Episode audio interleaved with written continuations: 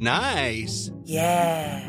What you're hearing are the sounds of people everywhere putting on Bombas socks, underwear, and t-shirts made from absurdly soft materials that feel like plush clouds. Yeah, that plush. And the best part? For every item you purchase, Bombas donates another to someone facing homelessness.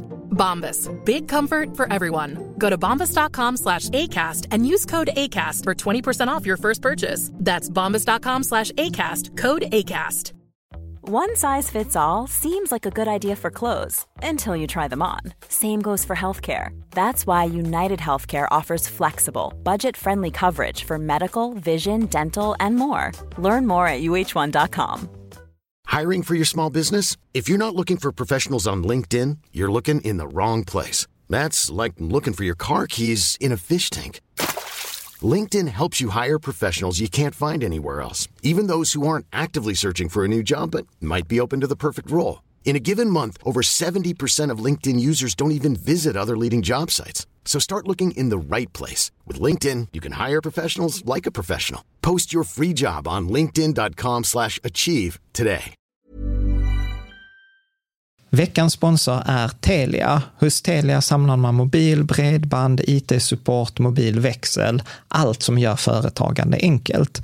Och det är just det här att samla allt på ett ställe, att ha någon att vända sig till när det inte fungerar, det är Telia. Ett exempel på vad som inte är Telia, det är ju som när jag lyckas boka förmötet för en poddinspelning med Finansinspektionen till efter själva inspelningstillfället.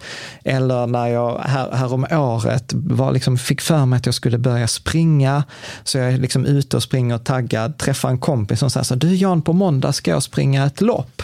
Och jag känner så här, ja men det låter inspirerande, så jag käkar pasta, jag byter om, tar mig ner till Malmö stadion för att göra en efteranmälan, står där i kön och sen så när jag liksom anmäler mig så tittar de på mig och säger så här, du Jan, vårhuset är bara till för kvinnor. Och eh, det var, det var typisk en situation som inte är Telia. Oavsett, ett stort tack till Telia som sponsrar, gör Rika Tillsammans möjligt, men framför allt tack till dig som lyssnar, följer och eh, hänger med oss varje vecka.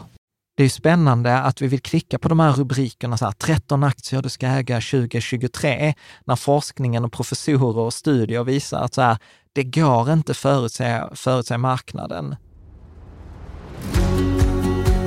Varmt välkommen till Rika Tillsammans-podden som handlar om allt som är roligt med privatekonomi och livet. Varje vecka delar vi med oss av vår livsresa, våra erfarenheter, framgångar och misstag så att du ska kunna göra din ekonomi, ditt sparande och ditt liv lite rikare. Vi som driver denna podden heter Caroline och Jan Bolmesson. Idag är dags för avsnitt 285 och Mm. idag kommer det handla om lite så här, vad kan vi säga om 2023? Vad kom, vad tror, liksom så här, även om jag inte gillar det hos andra, så tänker jag att vi ska göra lite förutsägelser för 2023, men kanske i lite annan form. Vi kommer att prata lite om SPIVA, eh, vi kommer att prata lite om indexfonder såklart, vi kommer att prata lite om eh, 2022 och det blir lite, lite gott att blanda som en godispåse. Mm, Eh, trevligt. ungefär- Spiva, det får Ja. vi ta vad det är sen. det, det kommer vi till. Mm. Men jag tycker detta är fascinerande, för detta är den tiden på året, så här början av ett år, vi spelar in detta i januari. Eh, och detta är alltid tiden då man ska göra förutsägelser. Mycket om så här, Ja. hur kommer 2023 gå? Hur, eh, liksom, vad kommer att hända? Och jag tycker att detta är fascinerande. Eh, och jag, jag roade mig med att bara så här googla eh, Dagens Industri 2023. Det var allt jag slog i. Och sen, Okej. och sen tog Mm. jag några av rubrikerna för, eh, liksom som dök upp. Så du kan ju läsa snabbt eh, de här olika Ja. rubrikerna. Eh, förvaltaren säger sju aktier att köpa inför 2023. Imponerande, inom citationstecken. Börsen 2023, nu är det chans till revansch. Börsprofilen säger lägg nästa års vinnaraktier i portföljen redan nu.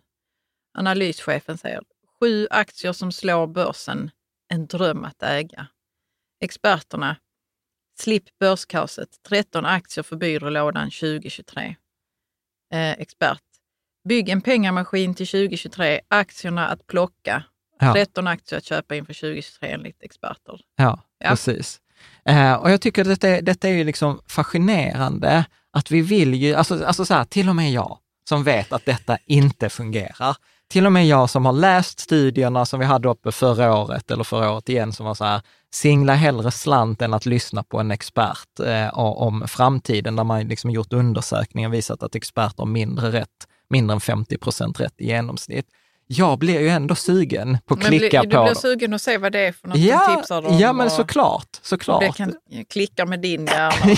ja. ja, men exakt. För, för att jag tror så här, särskilt när vi haft ett typ så 2022 som var ett ganska stökigt eh, år om man var investerare. Mm. Och det är ju typ alla i Sverige, vi har ju våra fonder, vi har aktier eh, i pensionen åtminstone. Så att, och, och, kan man inte eller inte är särskilt intresserad så blir, blir det gärna så att vi vill gå till en auktoritet yeah. och vi vill få svar. Och då blir det så här, liksom, lyssna här, så här, förvaltaren, auktoritetsargument, expert, experterna, auktoritetsargument, analyschefen, yeah. eh, börsprofilen. Eh, liksom, så att då blir det så här, lyssna på oss, vi vet. Och jag tänker att det är det vi ska, vi ska prata lite om eh, idag. Men det som jag ibland önskar att man gjorde mer av, det var ju sen att så här, följa upp detta ett ja, år. Följ upp det, ja. Titta hur gick det. Men det gör, det, vi har ju någon tidning som vi får där de gör det faktiskt. Titta hur det har gått. Ja, okay. ja då, det har jag uh, nästan missat. För jag har, jag har tog ett klipp här, bara ett av många. Jag roar mig med ibland att spara de här tidningsklippen. Ja. Och detta var ju då från denna tiden för ett år sedan. Så att då var det så här, året som kommer 2022, sparekonomer, eh, sparekonomerna spår en normal börs 2022. Och sen så skriver de så här, ja, men vi tror på ett eh, normalt börsår under 2022 efter den senaste tidens breda uppgångar. Jag skulle säga att ekonomin fortsätter i bra styrka under 2022 och 2023. Det finns hot på himlen, vi har låga räntor, de kommer inte att höjas de närmsta åren. Uh, och då ska vi... men, det, men de kan ju inte veta. Nej. Nej. och ingen kan veta. Det är det som är poängen. Så att det är därför jag inte ens nämner vem det är som har Nej. sagt det, för att det handlar inte om att göra sig lustig på, på deras bekostnad. Men då tror jag att det handlar om lite så att skilja på, så här, okay, så vilka, vilka råd ska jag lyssna på? Om det, om det är så här, singla hellre slant än att lyssna på en expert, varför ska man då lyssna på oss? Mm. Eller varför ska man eh, då liksom lyssna? Och då brukar jag tänka att ja, men det handlar om vilken typ av råd är det man lyssnar på? Och vad är det man kan säga? Och det jag tror, tänker, eller mitt mål med detta avsnittet är att försöka ge lite kött på benen, ge lite så här bakgrundskänsla, så att, så att man har den där nyansen. Så här, vad, kan jag, vad är rimligt att förvänta mig? För jag har ju liksom ingen aning om, om hur 2023 kommer eh, kommer gå. Eller jag har en aning, men det är ett ganska ointressant svar eh, på den okay. frågan. Mm. Eh, och vi, vi, vi, kommer till det.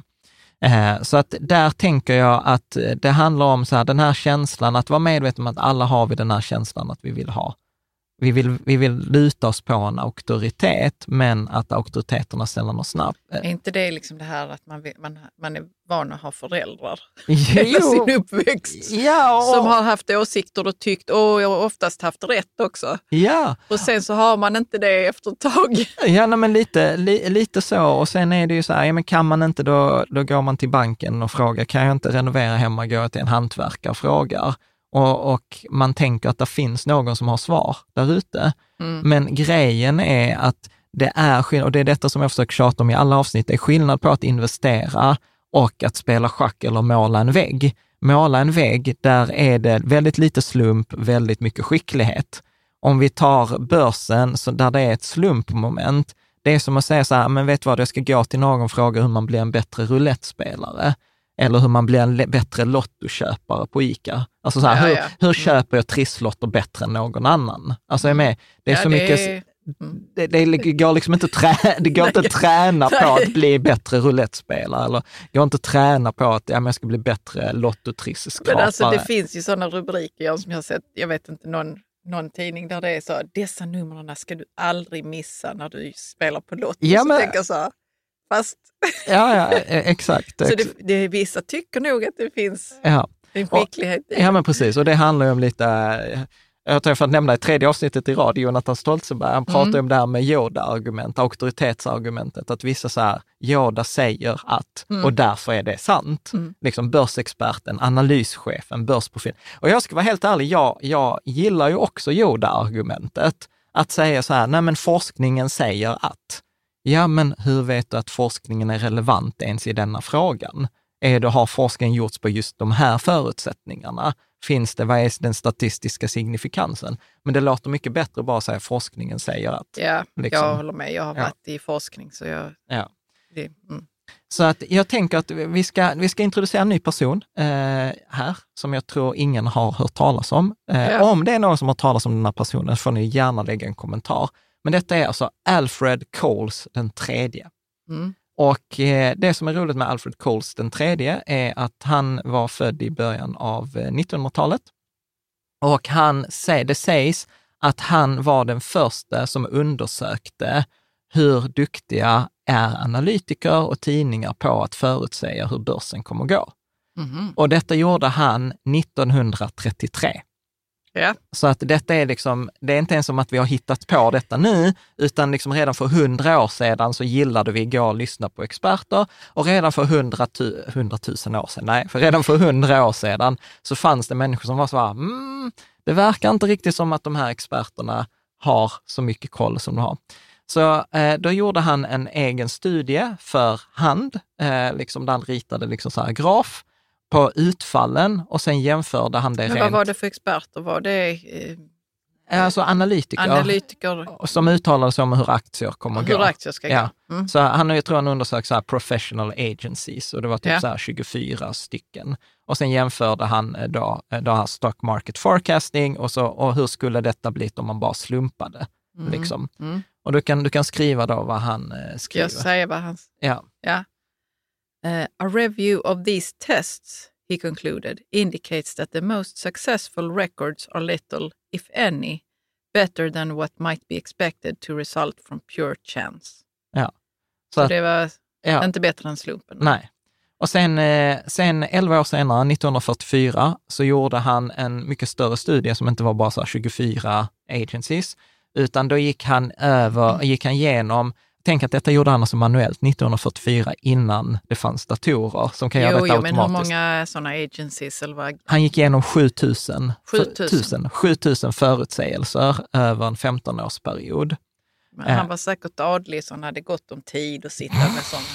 I USA, ja, ja, nej, okej, han var kanske inte adlig då. Ja, men ja, vi vet inte. Vi Ja, kanske, britt. alltså, detta är så roligt. Jag inser så här när jag gör de här avsnitten med dig att jag borde läsa på om personen, men jag är så här, studien är det intressanta. Du är så Men här, du han är kommer ju in på hur, han, hur folk lyckas eller har tid med eller liksom orkar och sådär. Ja. Bara, ja. Men, men då, då, skri, då skriver de i den här, eh, in, i, studien, he concluded once again that there was no evidence to support the ability of professional forecasters to predict future market movements. Mm. Liksom. Och sen denna studien har ju repeterats om och om och om, om igen. Liksom. Så att det, det är inget nytt. Jag vill bara visa på den här som jag ibland kallar för Lindy-effekten, eh, som Taleb pratar om, att, att ju, ju äldre ett resultat är och det håller över tid, desto större är sannolikheten att det kommer hålla över tid även i framtiden. ja, för det måste tre- stresstestas. Ja, så detta är ju liksom denna principen att vi är ganska, att liksom förutsägelser inte är bättre än slumpmässiga, det har ju hållit i över hundra år. Och har det hållit i över hundra år så lär det hålla eh, i hundra Ja, och man år kan fram. heller inte argumentera att börsen är annorlunda nu och att det är mer komplext och, och sådär. Alltså Ja. det går ju det, Ja, tvärtom skulle, tvärtom skulle man argumentera för att det är svårare idag. Att det finns studier, andra som har tittat på det där, som visar att det var lättare att förutsäga börsen förr. När Jo, men det, när det, var men det visar han ju att det inte går. Nej, inte, inte ens då. inte ens då, nej. Medan idag är det så här svårare. Är svårare för, för, idag. för det, det finns liksom mindre överskott. Det är fler aktörer som tävlar om ett mindre överskott. Så kan man säga. Förr var det liksom ett större överskott med färre aktörer, det här alfat som man tävlade om. Mm. Men det är Ja, som ja, på det. Ja, men det är som på marknaden. Tänk på att på marknaden så är det liksom, där är hundra eh, blommor som man kan plocka upp. Förr så var det kanske tio aktörer som skulle samla på sig de här hundra blommorna. Idag är det kanske tusen aktörer som tävlar om samma hundra. Men vad blommor. jobbar han Alfred Kauls med? eh, Caroline, jag nej, nej, jag inte. tänkte om han var själv någon typ av analytiker. Ja, Jag vet inte, jag får, jag får återkomma. Strunt samma, vi kollar det i efterhand. ja. Jag säger så här är det att leva med Caroline även i andra områden, även inte bara Alfred Coles. Så här är det att leva med Jan även i andra områden. Noll koll alltså. Jag kan säga, men då Ja, läser då går vi vidare. Då går vi vidare. Eh, då, och då skriver han liksom så här, när han frågade, eh, så här, frågade de så här, men varför tror du att det är så här? Så, så Ja. skrev han så här, Even if I did my negative service after eh, every five years or others... Va? Vänta, jag får börja om här. ja, Even if I did my neg- negative service every five years or others continued them when I'm gone, it wouldn't matter.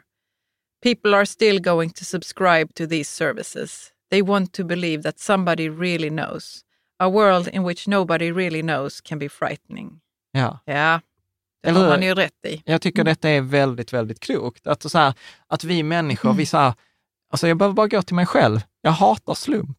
Jag gillar inte slump. Jag vill ha kontroll. Jag vill veta, så här kommer det bli. Liksom, Vi tror- har ju till och med ett Excel-dokument nu som du i och för sig inte har tagit del av, där jag har skrivit upp så här, grejer som kan gå åt helvete. Hur vi tacklar dem innan det har hänt. För att vi ska ha någon slags resiliens. Liksom. Värmepannan går sönder eller... Alltså det kan, du vet, vi blir sjuka mitt i ett projekt eller någonting sånt där. ja, Och ibland har man inte ens svaren, men det är också en, ett försök ja. liksom, till att ändå- skapa resiliens i sitt Ja, liv. och ändå så inser man så här, fan, alltså så här, ta dem i Ukraina. Liksom så här, de löser ju det som behöver lösas när, när, när det händer. Och, och, där kan vi bara ta så här, vi har en programmerare där. Och, och att till exempel han säger, nu har det dykt upp massa coworking spaces, där liksom säljargumentet är så här, men vi har en dieselgenerator och en Starlink. Och så att nu kan, nu kan vi jobba. Och sen så liksom har det blivit en big business i, i Kiev Ja. till exempel. Så att jag menar, där kommer ju hela tiden möjlighet och jag fattar så här rationellt att den här oron för grejer är ju så att oron för oron är ju större än liksom så här energin som behövs för ja. att Ja, ja, hantera visst. någonting. Mm. Men, men vi hamnar i det här att, att vi vill gärna veta, man är så här, okej att jag inte vet, okej att jag inte vet hur börsen kommer, men, men, men Jan vet, han vet åtminstone, eller börsexperten på DI vet, eller Ja. analyschefen ve- vet. Och det var ju som någon, jag tror det var någon som tipsade om det i forumet också, att det var någon podd med någon eh, CFO, så här, finanschef på ett bolag, där han bara ställde den här frågan så här, alltså jag vet inte hur mitt bolag där jag är finanschef kommer gå om 12 månader. Hur kan ni som är utomstående, som, som följer flera bolag, veta detta bättre än mig? Liksom. Och, och, och, det, och detta är Ja, det såna- var modigt sagt tycker jag. Ja, och det är Mm. sådana här svåra frågor som vi gärna vill, vill Mm. veta. Så, och då, då tänker jag lite också som i detta avsnittet, eller målet med det här avsnittet, så, här, kan, så, så vilka är de här relingarna som jag kan, som jag kan hålla mig fast vid?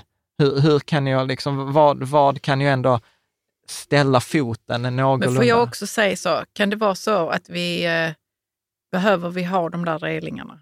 Om, man nu, om det inte finns några relingar, ska vi Det är skitskrämmande. att- Jag vill, hellre, jag vill ha, jag, jag fattar att det Jo, är en men- så här, så här, jag jo, vill men det är också en... spännande. Nu blir det så himla eh, abstrakt kanske. Ja. Om vi inte har relingarna, ska vi, varför ska vi bygga upp sådana här fake-relingar då? För att Kan det vi inte bara bra. leva i den världen där det inte finns några relingar och sen så, så hanterar man det då? Liksom? Ja, säkert. Det känns jättejobbigt i magen, tänker jag. Ja, Uh, ja jätte- gå vidare. Jag, ska, ja, jag kan ta mer sen om det dyker upp någonting du kan ta det, du kan förbereda ett eget avsnitt Ja, eh, på det. Jag tror inte det. Men om vi tittar då, så Stockholmsbörsen som de förutsåg att 2023, 2022 skulle vara ett ganska normalt år, så kan vi säga så här att eh, Stockholmsbörsen hamnade på det sjätte sämsta året sedan 1870. Eh, hamnade på minus 22,77 uh, minus 22,77 procent eller minus Ja. 23. Eh, det låter värre när det säger så här, sjätte sämsta året. Eh, ja, men där är ganska många år som hamnade runt minus 22. Så att alltså runt minus 20 procent skulle jag inte säga sticker inte ut som något extraordinärt. Det sämsta året var någonsin var 2008 på minus 39 procent. Eh, näst sämsta var 2002 på minus 36. Eh, liksom. Men sen är det ganska många år som ligger på runt 20, typ 1914, 1921, 1932, 1966 eh, etc. Ja. Men däremot, vad som var väldigt, väldigt ovanligt för 2022 är att normalt sett så brukar vi alltid säga så här, räntor är krockkudden Ja. i en portfölj. Och räntor har ju liksom varit, typ, räntorna har varit noll, så då har räntefonder inte gett någonting. Så de senaste år, två åren tror jag att vi tipsade om så här, skit i räntefonder, ta bankkonto istället. Jag tror vi sa det. I alla fall som, som ett av variationerna sa vi det 2022 i början och 2021. Men där är, det är väldigt, väldigt ovanligt att både aktier och räntor går ner samtidigt. Och det har typ bara hänt fyra gånger i liksom, historien eh, någonsin. Och jag tror att de andra tillfällen var 1969 när man hade hög inflation. Eh, sen var det i, eh, när 1941 när eh, USA gick med i andra världskriget och 1931 när mm. Storbritannien övergav guld, guld, guldfoten eller guldstandarden. Mm. Så att nu, nu pratar vi amerikanska räntor och, och aktier. Men det är ganska intressant att veta att liksom på det sättet var 2022 väldigt, väldigt eh, ovanligt. Och jag tror att Jonas Somberg på Opti i, i deras nyhetsbrev, jag tror att de räknade fram att 2022 var det sämsta året för räntemarknaden sedan 1788. För räntemarknaden? För räntemarknaden. Eh, och då är det inte att 1788 var ett sämre år, det var bara att vi har inte, vi har inte bra data nej, nej. bortom 1788. Och då ska man liksom komma ihåg 1788, alltså det var året innan George Washington blev president i USA. Alltså det är sjukt länge sedan. 1788 1700, 1789 var franska revolutionen. Var det? Ja. Okej. Okay. Ja, det visste jag inte. Uh, kan du inte den? 1789. Ja. 1789. nej. Jag vet inte vad det är. Ja, nej, det visste så jag då. Ja. Ja, eh, så till och med 100, det var länge sedan. Ja, till och med 100 år innan amerikanska inbördeskriget. Mm. Mm. Så att eh, det var ganska intressant. Man kan säga att den globala räntemarknaden backade minus 13 procent. Och då ska ju säga återigen att räntor tenderar normalt stå stilla eller gå upp när aktier går, går, eh, går ner. Eh, så det, det, kan man väl eh, säga. Någonting annat som jag tyckte var liksom så att, eh, händelser från 2022 var ju, vi hade den här, jag vet inte om det är någon som minns, men 2 maj hade vi den här flash crash. Att Stockholmsbörsen gick ju ner på, med 7 procent på fem minuter. Så det var så här tusen miljarder kronor i värde försvann. Ja, jag minns det nu ja. Mm. ja. Och sen visade det sig att det var så någon på Citibank som hade, ja, som hade tabbat sig. Som hade gjort bort sig. Mm. Jag frågar nu inte vem det var och varför. Jag, jag, jag frågar inte det. Ja. Och sen, eh, och sen eh, hade vi jätte, det som också var speciellt, som vi, ska, som vi behöver kasta lite ljus på, det var ju att dollarkursen var ju som mest 11, typ 11,50, 11,49. Mm. Eh, och det är typ, jag tror att det var, jag tror Niklas Andersson på Avanza skrev att det var liksom den högsta dollarkursen sedan 1985, alltså på nästan 40 år. Eh, så att det var också ganska ovanligt, den liksom stora försvagningen. Och, och, varför det är relevant är för att många av oss som investerar i, i indexfonder, globala indexfonder, som vi brukar säga så här, äg liksom allt, äg hela yeah. höstacken, yeah. äg alla bolag i alla länder, i alla branscher. Det har ju på mångt och mycket räddat oss. Att vi har liksom haft, trots att det varit ett ganska liksom så här rekordmässigt dåligt år, har det ändå räddat många av oss med indexfonder, att vi ligger så här minus 8 procent. Var det för att uh, den amerikanska dollarn stärktes så mycket? Eller? Ja, mm. exakt. Och eftersom då vi ägde någonting i svenska kronor och sen även om den globala börsen hade stått stilla, om då dollarn stärks med då 20 procent, så kommer ju det, då kommer vi få 20 procent mer svenska kronor. För mm. nu får vi 120 kronor för den där hundralappen, ja. trots att den har varit oförändrad. Och det är viktigt att veta, för att nu 2022 var det jättepositivt för oss, men någon gång så brukar man ju säga att valuta över tid spelar ingen roll. Alltså är oförändrat. Så att vi någon gång kommer vi få betala tillbaka den vinsten i, i form av att, ja men även om börsen hade varit oförändrad så kommer den försvagas och då kommer vi få färre svenska kronor för dollarn. Mm. Eh, så det jämnar ut sig? Så det jämnar ut sig, mm. så att det, det är viktigt. Men detta också överkurs, överkurs, överkurs. Detta har också gjort att till exempel den förväntade avkastningen på den svenska börsen framåt är ju nu högre än den förväntade avkastningen på den globala börsen. Så för den som vill göra liksom en spekulation till, i lekhinken eller i spekulationshinken, så är det ju bättre, man har bättre odds, inga garantier eh, och man kan liksom förlora delar eller hela av sitt kapital, så alla vanliga friskrivningar. Så är den, har man liksom större sannolikhet att göra en bättre affär på den svenska börsen än på den globala börsen framgent, givet då antaget att man tror att dollarkursen kommer gå tillbaka och att den svenska börsen kommer komma i, i fatt. Och vi har en Mm. diskussion på detta i forumet. Så att det är jätteviktigt att veta också i dagens avsnitt, alltså så här, nu hade vi ingen sån disclaimer-episod, men så här, historisk avkastning är inte en garanti för framtida avkastning. När vi pratar om sparande, investeringar, man kan förlora delar eller hela sitt kapital. Det finns inga, inga garantier. Eh, liksom. Och att vi rekommenderar nästan alltid den här fyra hinkar-principen för att se att man har rätt balans. Och det Ja. kommer ett uppdaterat avsnitt, jag tror det är två år sedan vi gjorde ett avsnitt på den. Mm. Bra, så att där har vi också en tråd jag kan länka till det separat, där, där några av oss har tiltat mer mot, alltså att, och då pratar vi inte om att sluta spela, spara globalt, utan vi har sagt så här, om det standardläget är att man ska ha 80 procent globalt och 20 procent Sverige, så har vi nu några av oss sagt så här, ja, men då nysparar vi 50 procent Sverige, 50 procent globalt i nysparandet, så att det är fortfarande små delar i portföljen. Hur gör man det när man nysparar? Alltså ändrar man lite inställningar Ja. då i till exempel Lysa om man har det? Nej, Lysa kan man inte påverka. Nej, okej. Så Lysa, återigen, Lysa är så här one stop shop, liksom köp det, du behöver inte tänka, Okej, men- behöver inte ja. oroa dig. Mm. Så detta är till exempel, några av oss har gjort det i tjänstepensionssparande eller i så eget sparande. Det var Mm. därför jag kallade det för ett överkurstips. Ja, för, det är ett den, för, den, för den nördiga, men som Mm. ändå är så pass, liksom, folk kommer säkert argumentera, Jan, men nu pratar du om att tajma marknaden.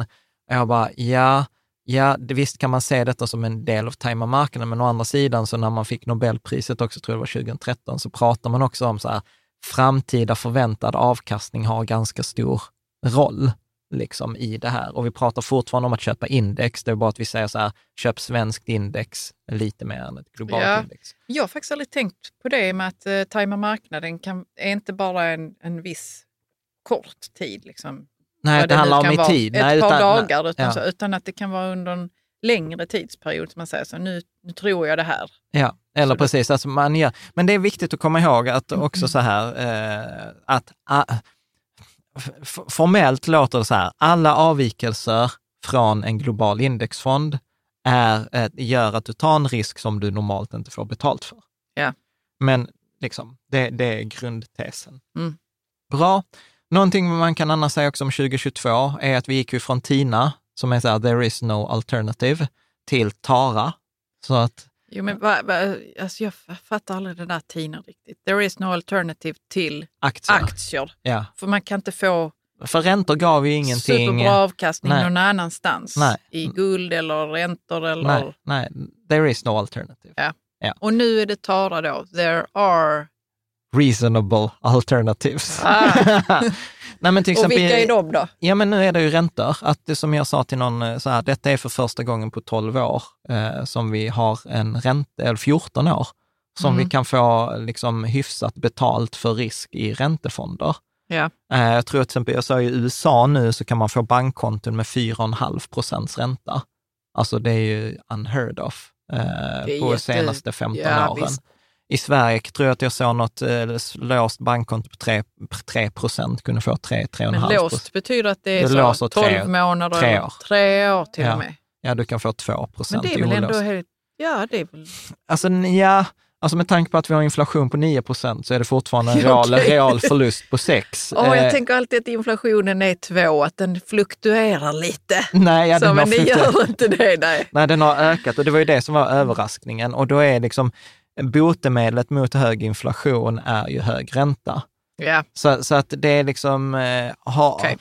ska man vara lite tuff, lite som en kompis pratade om, så här, har man, har man eh, bolån så är det till exempel dumt att ha bolån och sparkonto samtidigt, eller bolån och räntefond samtidigt. Eh, liksom, så är det bättre att amortera, Ja. vilket jag i stora drag håller med om. Mm. Eh, vad ska man annars säga mer om 20, 2022? Eh, först, ja, första gången någonsin räntor och aktier gick ner dubbelsiffrigt sedan 60, nej, första gången räntor och aktier gick ner samtidigt i USA sedan 1969. Mm. Fjärde gången någonsin. Vi hade en tydlig sektorrotation från eh, tillväxt till värdebolag. Så att eh, man eh, straffade, liksom senaste åren har ju liksom alla de här bolagen som har växt fått jättehöga värderingar. Och vi såg ju allt från liksom eh, Tesla som har åkt ner till Facebook, Meta-aktien som har åkt ner, Amazon tappade 50 procent. Alltså Mm. allt som har med tillväxt eh, har ju tappat. Eh, många nystart, alltså många så nya bolag har liksom förlorat, där är en lång lista med bolag som förlorat 80-90 procent av sitt värde. Men är det inte så, nu hänger jag inte med, riktigt med i finansmedia, men är det, har det varit många konkurser? Ökat, ökat, Ökat, antal, men inte- men, jag tror att vi kommer att se fler nu under 2023. För nu, Ja, för det är en fördröjd effekt kanske. Ja, och, Pengarna och framförallt, framförallt, framförallt så är det många onoterade bolag som inte får kapital nu. Ja. Så att det blir en stor rensning. Vilket man på sätt och vis, tufft för de som är med uh, om Det det. kan vara dålig timing för någon som har en bra grej. Ja, men, Mm. men å andra sidan så brukar jag säga så här, de bra idéerna får pengar och då, detta är väl liksom den där creative destruction som, Mm. som behövs i ett kapitalistiskt system, Mm. eh, liksom att man prioriterar. Eh, något också som visar på svårigheten med att investera i enskilda aktier. 131 bolag eh, av 1033 bolag eh, på Stockholmsbörsen slutade på plus. 119 var det bara som gick plus. Eh, de andra, då 12 eller så här, var, gick ju plus tack vare sina utdelningar. Jaha. Men, men det Mm. betyder liksom så här att, ja, vad ska man säga, någon uppskattning här, att 85 procent gick, eh, 85 procent av alla aktier gick back förra året. Eh, det är intressant, och apropå den här sektorrotationen, så var ju 90 stycken var ju värdebolag. Så 90 av 131 bolag som gick eh, plus under 2022 var värdebolag, det vill säga att de har låga multiplar, lönsamma bolag. Så Jag att, kommer aldrig ihåg vad multiplar är för någonting. Nej, men hur, man, eh, hur man värderar dem. Alltså hur, hög, Ja. hur, hur många årsvinster, väldigt enkelt. Hur Ja. många årsvinster är man villig att betala för detta? Mm, Okej. Så att, eh, ja men det var lite så här spännande, spännande år och eh, om vi då tittar lite så här, bara snabb, snabb genomgång så att man får lite en känsla eh, för det. Ja, men lite få en liten känsla för hur, hur det gick eh, under 2022 så kan man säga att globala börsen gick minus 8 procent i Mm. svenska kronor. Eh, och det är viktigt att veta i och med att vi har haft så stor förändring i dollarn och globalt index räknas i dollar. Så jag tror att, min, jag tror att det var minus 18 procent om man räknade i US-dollar, men bara typ minus 8 procent i svenska kronor. Och här jämför jag det väldigt enkelt med Länsförsäkringar Global på minus 8,07 och Storebrand Global All Countries, de här två fonderna vi Ja. rekommenderade förra avsnitt, minus 8,0 procent. Mm. Eh, Så att eh, det är väl ganska in, intressant. Svenska börsen gick eh, minus 22,77 procent. Men det intressanta här är, jag gillar ju fonden plus alla bolag Sverige. Ja. Den ska ju följa, eh, den ska ju följa Stockholmsbörsen och man betalar ju dessutom en avgift för den. Eh, eh, Ja. är du med? Ja. Men det intressanta var att den gjorde minus 22,5 procent. Så den ligger ju precis på index, men den gick bättre. Så här har vi liksom en av så här ovanligheternas fall, att vi har en indexfond som gick bättre än index. Och, och Det det, marginellt va? Ja men, alltså du är Ändå. som party pooper. Ja, ja, men fortsätt nu. Vad, Jo, vad men- skulle du säga? Jo, men alltså så här, i teorin så ska ju inte detta gå. Nej. En med en indexfond, om, om avgiften är 0,2 procent och du har en indexfond och en index som det följer, så om indexet gör minus 10, då ska fonden göra minus 10 och sen ytterligare minus de där två- 0,2 procenten i Ja. avgift. Ja. Så en indexfond ska ju per definition alltid gå som index minus avgifter, så den ska Ja. gå sämre. Men här har vi en indexfond som har gått bättre. Och jag tyckte detta var coolt. men men Carro bara så här. Ja, men jag var så glad att jag kunde säga så här, ja det var väldigt lite. Ja, men det är klart att det är lite. Men, men, men vad, vad, vad, vad som inte syns i det här då, är ju att detta är ju sjuk cred till förvaltarna som har lyckats skapa ett mervärde större än sin egen avgift och Ja. till och med kunna skicka vidare det mervärdet till de som har ägt fonden. Du har rätt, du har rätt. Men hur har de gjort det då? Alltså det kan, det kan bero på tur. Så att jag vet inte, jag har inte, vi, vi får ju intervjua de eh, plusfonder, Emil Ahlberg där. Det kan bero på tur, eh, det kan bero på att de har exkluderat något bolag. Så. Mm. Men det, vad jag tror sannolikt att det beror på är att en indexfond äger ju många av de här bolagen långsiktigt och då har de kanske lånat ut, eftersom börsen har gått ner, så har de lånat ut aktierna till folk som har blankat och sen har de fått betalt för eh, ränta för att de har lånat ut de aktierna till folk som har blankat. Ja. Och, och då har de tjänat lite pengar, tagit sin avgift och sen skickat tillbaka det. Så att, ja, det var, det, alltså det är sånt här som man kan, du vet, så här, i, det är säkert ingen annan som har sett detta, men jag bara så här, oh, titta här! Okej, okay, så här, nör, nörderi. Nu vet alla som lyssnar på podden Ja. att Ja, nörderi. så har det gått till. Ja. Mm. Bra, tittar vi på Lysa som är vår standardrekommendation. Eh, så Lysa, om man tittar på Lysa, om man har haft en 100% aktier hos Lysa, så har man eh, gått en- 8,7 procent back. Mm. Men det intressanta här är, om man bara hade haft, detta går inte att välja, men jag vill bara visa här för påverkan. Lysa 100% aktier exklusive Sverige, alltså utan, för nu har ju Lysa precis som vi en övervikt mot Sverige. Ja. Då hade den gjort minus 5,5 procent. Mm. Mm. Så att eh, här visar det ju sig liksom också att Lysa får ett sämre resultat för att vi har exponeringen mot, mot Sverige. Så det går inte bara att jämföra så här, men Lysa är sämre än Länsförsäkringar Global. Nej, Länsförsäkringar Global har en, en procent av sitt kapital i Sverige. Lysa Ja. har 20 procent av sitt kapital mot Sverige. Så Ja. i år kostade det pengar. Eh, och, eh, och man har också exponerat mot tillväxtmarknader. Men det är hugget som stucket. Eh, så att det, det är viktigt att veta. Någonting annat som är så också så här sjukt ovanligt är att om man hade då en Lysa 60-40, så som vi rekommenderar, eh, alltså som i mellanriskhinken, alltså en 60-40 portfölj, då backade den minus 8,3 procent eller 8,24 procent. Och varför jag också tycker att det är värt att notera, så att man liksom tänker efter, detta är sjukt ovanligt, för har man 40 procent räntor så ska ju inte den gå lika dåligt som, Nej, som det, aktier. nej. De ligger minus 8,69 på en 100 procent risk, alltså Ja. 100 procent aktier, eller 60 procent aktier ger nästan 8,3 back. Mm. Eh, så att det visar hur ovanligt det här 2022 eh, var. Och om man bara hade plockat Lysa 100 procent räntor så hade man backat 8 procent. Så att det, det var Det verkligen så här, räntorna och aktier gick ju jättedåligt och det är väldigt, väldigt ovanligt. Det är in, jag skulle nog inte sätta pengar på att det kommer hända igen, kanske ens under vår livstid i den utsträckningen. Så att man fattar att det var ovanligt. Okej? Eh, tittar man på våra portföljer, vi har ju haft de här modellportföljerna som vi började med typ 2014, som vi mer och mer skruvat ner volymen på.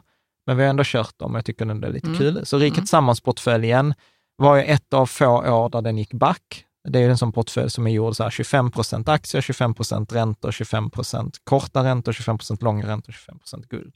Nu blev det många 25-procentingar. Det blev det. 25 procent aktier, 25 procent korta räntor, 25 procent långa räntor, 25 procent guld. Backade minus 5,8 procent, så den var ju bättre än, eh, än index. eh, Mm. Här, både global Mm. index, svenska börsen och vilket den ska vara. Men minus Men 6 den, blir ju, den är inte så upphetsande heller när det går upp på börsen. Nej, nej. Utan den ska bara Detta var- hålla sig ja. ganska så stabil. Detta var ju, jag tror att detta kommer vara ett av de få åren sedan typ 1980, eh, 70 som denna gick back. Eh, men visar på att det var ett svårt år. Alltså så här, förra året, det fanns typ ingenstans att gömma sig. Folk som var entusiaster sa, ja men du vet, så här, när inflationen ökar så kommer krypto vara ett jättebra skydd. Jag bara, ja, eller hur?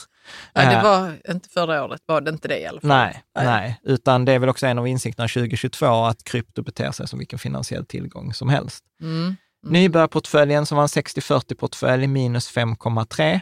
Så att vi gick ju bättre än Lysa, 60-40 där. Kan bero lite på tur, eh, men, så, men det är för att vi har lite guld i den. Ja, okej. Eh, och sen globala barnportföljen som är vår 90, jag tror 80-10-10. 80 procent aktier, 10 procent guld, 10 procent räntor, minus 6,9. Så att så här, all, alla portföljerna gick ju back, men de gick Mer ändå, eller mindre, mer ja. eller mindre, men så här runt, har, har man liksom följt eh, liksom forskningens filosofi under eh, 2022, eh, så bör man ha landat någonstans runt minus 8. Eh, vilket, vilket är liksom, hamnar man runt minus 8 2022, då är det så här, även om det inte känns så, gå och hämta en flaska champagne och, och liksom fira och allt bättre än minus 8, ja, bra jobbat. Liksom. Men ställ dig då, då är den viktiga frågan, alltså så här, fira och sen när du har firat ordentligt, dagen efter, ställ dig frågan så här, så gjorde jag, fick jag detta resultat för jag hade tur, eller fick jag detta resultat för att jag hade skicklighet. Och det är jättestor skillnad på vad du kommer fram till eh, på de två svaren. Vill man jämföra med eh, Avanza, Avanza är ju generös och varje år släpper så här, så här gick det för dig, så här gick det för Ja. den genomsnittliga avansianen. Så den genomsnittliga avansianen gick minus 21,3 procent. Eh, att jämföra då med eh, global indexfond på minus 8, att jämföra med minus eh, 22,7 för Stockholmsbörsen. Så att för första gången på flera år så slog ju Avansianen Stockholmsbörsen eh, med ja, typ 1 procent, 1,4 procent. Jag brukar alltid klaga på att den genomsnittliga Avansianen hade mått bättre av en indexfond. Utgår vi, som vi brukar säga då, liksom en, en eh, Länsförsäkring av global index så var de ju mycket, mycket sämre än, än en indexfond. Jämför man med Stockholmsbörsen så var de lite bättre. Också ovanligt. Också ovanligt där. Så att eh, det var väl det jag tänkte säga. Så att om vi ska gå lite så här, vad kan man titta framåt? Eh, så vad, vad kan vi ta med? Så att jag tror ju liksom att börsen kommer ju fortsätta vara slagig. Om, om vi tittar inte då 2023, men vi kommer fortfarande även i framtiden ha de här att börsen går upp och börsen går ner. Utan något, Utan att det är något säga, något system till Ja, det, utan att och det är slump, eh, slumpmässigt. Eh, det jag roade mig att göra var att jag har tagit Stockholmsbörsen från 1870 till 2022 och sen har jag gjort det både som en graf och som en tabell. Och det man kan eh, dra slutsatsen är väl att eh, ungefär 25 procent av alla år är negativa och sen har vi 75 procent av år är positiva. Och eh, sen roade jag mig med att dela upp detta i fyra delar. Så, här, så eh, i uppgång efter ett positivt år, uppgång efter ett förlustår, förlust efter ett uppgångsår, förlust efter ett förlustår. Så att, Okej. så att om vi har haft, återigen, historisk avkastning är inte en garanti för framtida avkastning, men för att få en känsla för det. Så eh, en uppgång efter ett positivt år, eftersom vi har 75 procent av alla år på Stockholmsbörsen varit positiva, så Ja. är det ganska naturligt att i sex av tio fall så kommer det en uppgång efter ett uppgångsår. Mm. I 15 procent av fallen så kommer det en uppgång efter ett förlustår. Ja. Och det är ungefär lika mycket upp, eh, liksom en förlust efter ett eh, uppgångsår. Eh. Eh, så att, eh, och sen så till 9 procent av fallen så har vi en förlust efter ett förlustår. Så, Ja. så att, Så det, det är 9 chans att då 2023 är också, större- blir, också blir ett förlustår. Det är större, alltså om vi bara tittar på historisk avkastning Ja. och så säger vi att samma sannolikheter kommer liksom gälla framåt, så, har, så skulle jag säga att det är större sannolikhet att vi kommer få ett uppgångsår i år Mm. än att vi kommer få ett förlustår. Inga Det är- garantier. Absolut, om man tittar på siffrorna. Bara. Ja, om man tittar hur det har varit Ja. historiskt. Det är väldigt, eh, väldigt få fall. Eh, det är väl en tre, eh, liksom 2000, eh, s- eh, då vi, i- finanskrisen 2008 hade vi två, två nedgångsår efter varandra. Under IT-bubblan hade vi tre nedgångsår. 2000 var minus 11, sen 2001 var minus 15, 2002 var minus 36. Det var liksom en av de värsta nedgångarna vi har haft. 2007-2008, då var 2007 slutade på minus 2,6 och sen 2008 på minus 40. Och sen får vi gå tillbaka till 1947, då vi hade minus 3,5 och 1948 minus 4,5. Och sen får vi gå tillbaka till 1929 för att Ja. hitta nästa, Den stora kraschen. ja, för att hitta flera år. Så att det, det är liksom mer sannolikt att det är liksom eh, uppgång än att det blir... Man säger ju i media i alla fall att det är en lågkonjunktur nu. Ja. Och eh, om man tittar på din tabell ja. så är det ju sådana lågkonjunkturår väl. De som har haft flera år efter varandra Ja. det har varit Alltså förlust. lågkonjunktur är ju klurigt också att säga, för att lågkonjunktur har jag för mig definierat ett, ett visst antal kvartal efter varandra med negativ BNP-tillväxt. Det har Ja, inte okej. nödvändigtvis något med börsen att göra. Nej, det är Så- skönt att du säger att det finns ett annat kriterium. Ja, så att, Mm. så att det är inte ovanligt att börsen vänder innan konjunkturen vänder.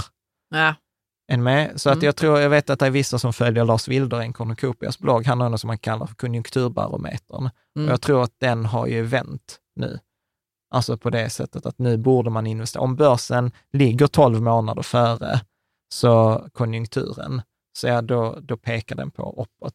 Men den kan ju vända. Så Ja, att det, är- det, är visst, inget, det, är det är inget konstigt. Mm, Så att- spännande. Så att det är en sån här relning att hålla, hålla Ja, sig. det är en relning att hålla att, i. att det, så här, Börsen går mer upp än den går ner och det är större sannolikhet för, för en uppgång.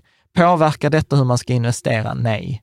Detta påverkar bara så här, istället för att lyssna på 13 experter som ska säga någonting, så är detta liksom Men när du säger att det är en reling att hålla i, är det liksom känslomässigt då? Att det, att Ja, det är känns klart att det är liksom? känslomässigt. Ja, ja, absolut.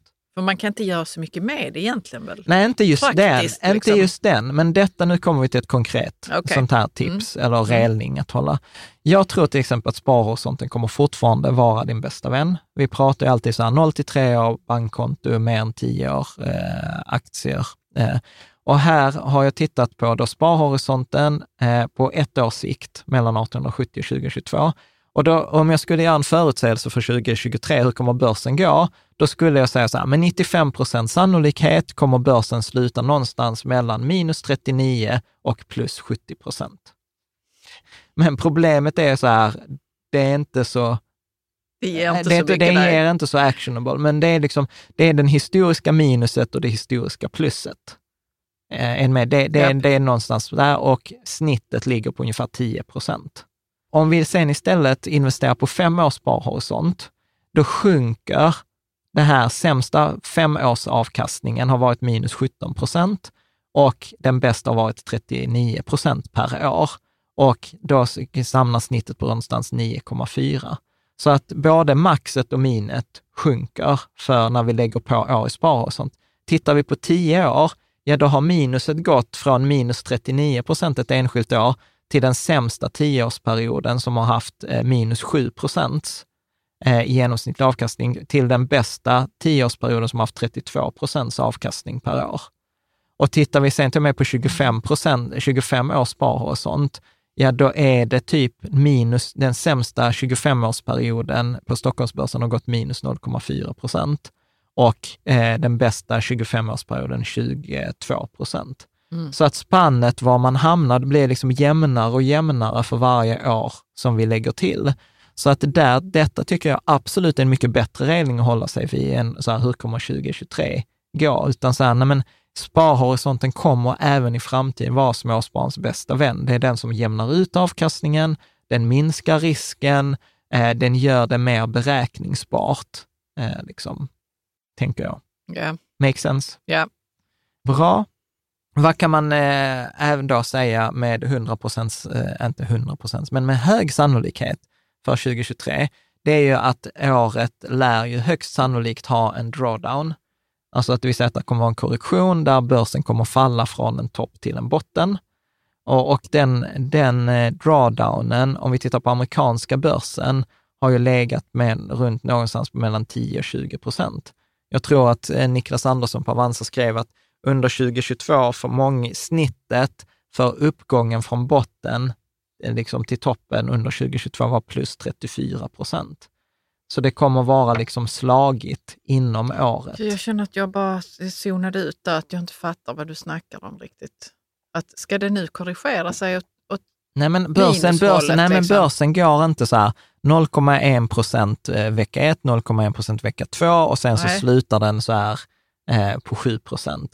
Utan du vet, jag tror nu någon skrev så här att bör, fram till den 10 januari har vi haft den börsta, bästa början på ett börsår någonsin. Någonsin Mm. liksom. Eh, så vi har gått från sämst till typ bäst. Men, så, och då kan, om jag bara hittar på, då kan börsen öka till 10 procent, sen kan den falla med 20 procent ja. enheter Mm. och sen kan den öka med 30 procentenheter och sen kan den falla igen. Och de här korrigeringarna, var, där finns liksom inget år som inte har haft en korrigering inom året.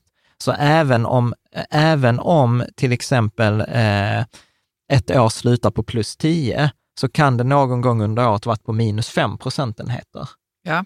Är du med? Mm. Så att, eh, och om alla år har någon gång varit på negativt, alltså det som kallas för drawdown.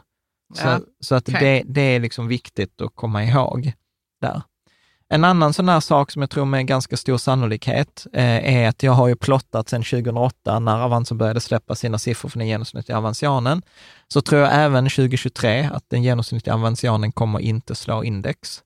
Eh, här har vi jämfört sedan 2008, mellan 2008 och 2022, så har, eh, och då jämför jag då eh, genomsnittliga Avanzianen, den siffran som Avanza redovisar med antingen en global fond, Länsförsäkringar Global, eller med Stockholmsbörsen. Sen, bara för att slippa liksom massa diskussion, ja, detta är en sned jämförelse till viss del, Mm. för att jag jämför 100% aktier och vi vet inte vad den genomsnittliga Avanza, Avanzianen. Har för fördelning mellan aktier och räntor. Däremot de få åren Avanza har släppt så genomsnittliga 100 procent aktier, så har inte resultat skilt jättemycket. Så att jag tycker ändå så här, det handlar inte om någon tävling och säga, "Åh, du vet, du kom in över mållinjen innan någon annan, utan det handlar om så här, trenden. Vad, vad ser vi? Och, och då kan vi säga på de här 14 åren så har den genomsnittliga Avanzianen slagit eh, globalindex 4 av 14 år, så man har varit sämre 10 av 14 år. Och man har slagit, man har varit bättre än den Stockholmsbörsen 3 av 14 år Ja, eh, varav 2022 var ett av dem. Så jag vidhåller fortfarande min tes sedan flera år tillbaka att liksom, eh, den genomsnittliga avansianen hade nog fått en bättre portfölj genom att äga en global indexfond i kombination med en svensk men indexfond. vi har ju eh, Avanza-konton. Ja. Nu har jag inte varit inne och kollat så hur det har gått för oss. Ja. För att jag, är ju, jag gör ju inte det Ja. helt enkelt. För mina Ja, bra, Tesla-aktier ligger där. ja, de har förlorat. Ja, vi kommer Ja, ha en graf. Jag har en graf på Men Det är Tesla jag är- Ja, vi har en graf på det är min Tesla sen. lärohink. Ja. Har du kollat hur, vi, hur det har gått för oss? Ja. Vi är ju avansianer också ju. Ja. Eh, ja, vi det- skulle också haft om allt bara är Ja. Lysa. Ja. Men vi har ju också aktier där för att vi tycker om dem. Ja. Och för att vi har gjort bort oss, liksom. eller jag har gjort bort mig. Ja, men jag kan ju säga, Vad- jag kan erkänna, jag, kan- jag kan erkänna det. det. Jag kan ju erkänna det. Jag har ju på forumet någon gång skrivit att jag har en investmentbolag, Hink. Ja, Eh, och eh, förra året, det är ju ingen hemlighet att vi, liksom så här, vi gjorde bort oss med storskogen. Så jag köpte storskogen till investmentbolag Hinken, hade lite Ja, ja, övertro på min visst. egen förmåga, så jag viktade dåligt. Så jag har liksom sabbat fem års utveckling i hur investmentbolagsportfölj. menar du att du viktar dåligt? Vad är det då man gör? Ja men typ, alltså detta är så pinsamt, jag vill knappt Men- berätta. Vi, Men- men- vi men- kan väl vara öppna med Ja, men det. är så liksom, här, det säg- här händer inte bara oss. Nej men säg, säg så här, nu, nu vet jag inte exakt siffrorna, Nej. men, men så här, säg att den var värd 100 000. Den eh, hinken, Ja. ja. Ja. och sen så köper man storskogen för 50 000 Ja, in okej, i den. Och, så, där. ja, och sen går storskogen dåligt, då drar ju den Men var det att är en optimism som låg till grund? Ja. Ja. Ja, Det händer det händer. de flesta. Ja, så Mm. att jag har ju liksom sabb, så jag är lite, jag är, jag är mer arg för mig själv att jag sabbat grafen för investmentbolagportföljen än för förlusten. Vilket är ju liksom... Ja, det är ju liksom det här klassiska att man vill att det ska se så fint ut. Ja. Men det är ju liksom en historieberättelse. Ja, men och det är det, väl okej? så Man får se det så att ens, ens grafer på Avanza är en historieberättelse Ja, om vad man har gjort och vad man inte har gjort. Och det är väl men det är som, det är som eh, inte ha så mycket åsikt om kanske. nej, det är väl som vi säger så i Kiyosaki-avsnittet här innan jul, att så här, pengarna berättar historien om ditt liv. Ja, Och eh, det kan vi väl säga. det gör det på många sätt. Det gör det så här. Så att, ja, på sätt och vis, alltså så här, eh, ja, ja, det, jag kan vara tacksam idag för alla lärdomarna jag har fått från det jävla bolaget. Eh, Men alltså för, någon gång borde vi nästan så lista ner vilka, vilka lärdomar vi har Ja, fått för- från de här olika investeringarna. ja, för det var har gjort. bättre, det är bättre att göra det när, när jag var 42 än att göra det när jag var 65. Ja, ja. Det var mycket, alltså så, här, så, så regeln att så här, gör misstag så tidigt som möjligt med så lite pengar som möjligt.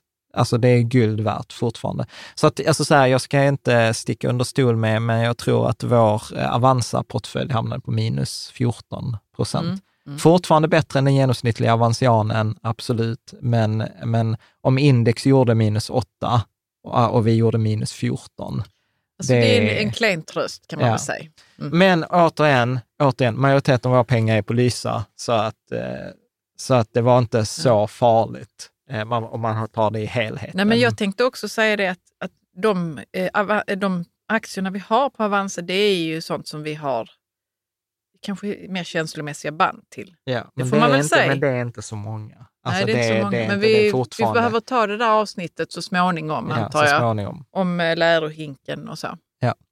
Vill man eh, titta här, den här grafen, all, all, det, detta skulle vi sagt för en timme sedan, men vill man kolla på graferna när man bara lyssnar så kan man ju alltid liksom gå in i länken till avsnittet och så finns alla graferna och där finns hela bildspelet. Så att jag har även publicerat en bild av all data som Avanza har publicerat. Eh, då. Sen vill jag också en annan grej som jag tror är viktig att komma ihåg, alltså så här, apropå en reling att hålla fast vid. Detta är en bild som Opti släppte i ett av sina nyhetsbrev, där de visar så här, utvecklingen på världsaktiemarknaden 1970 till 2021. Och där de konstaterar att eh, mellan 1970 och 2021, trots alla kriser med inflationskrisen på 70-talet, Kuwaitkriget, IT-bubblan, finanskrisen, så har världsaktiemarknaden gått 160 gånger plus. Ja. Vi pratar inte så 160 procent, vi pratar 16 000 procent. Mm. Så att, och detta är, detta är en variant på den grafen vi visade i förra avsnittet, där vi tog 1950 till 2013 och hade med Vietnamkriget och alla liksom andra grejer. Eh, och, och att även, förmodligen även i framtiden kommer ju börsen gå uppåt. Och då kan man också fråga sig så här, men Jan, hur vet du det? Hur kan du hålla fast i redningen? Hur vet du att det inte bara är en chimär? Och då tänker jag återigen på liksom så här, den här risktrappan som vi lite Ja. pratade om, de här byggstenarna i förra avsnittet, där vi sa så här att ja, men det finns två finansiella byggstenar. Det finns liksom räntor och aktier och räntorna kan man väldigt enkelt dela in i bankkonto med insättningsgaranti utan risk. Och det får man kanske 1 procent för, för att jag lånar ut mina pengar. Sen om jag vill ta lite högre risk, eh, att jag lånar ut dem till någon som ska liksom köpa ett hus till exempel, så, vill, så är det ju en större risk. Då vill jag ju ha mer betalt. Ja. Eller? Jag vill ha Mm. det som kallas för en riskpremie. Ja, men då säger jag så att ja, men då vill jag ha kanske 3 procent betalt.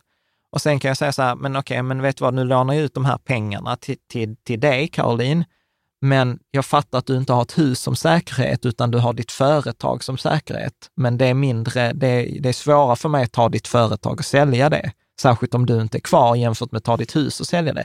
Så då vill jag ha ytterligare lite mer risk eh, för det. Jag vill ha ytterligare lite riskpremie. Ja. Och då säger man så här, men då vill jag ha 4,5-5 procent per år betalt för det där. Och sen kan man i nästa steg säga så här, men vet du vad, jag tror på dig, jag vill ha en del av uppsidan, så jag är beredd att riskera mina pengar. Vi delar på risken, du och jag, jag, jag tar ingen säkerhet. Ja, då är vi inne på det som kallas för aktier.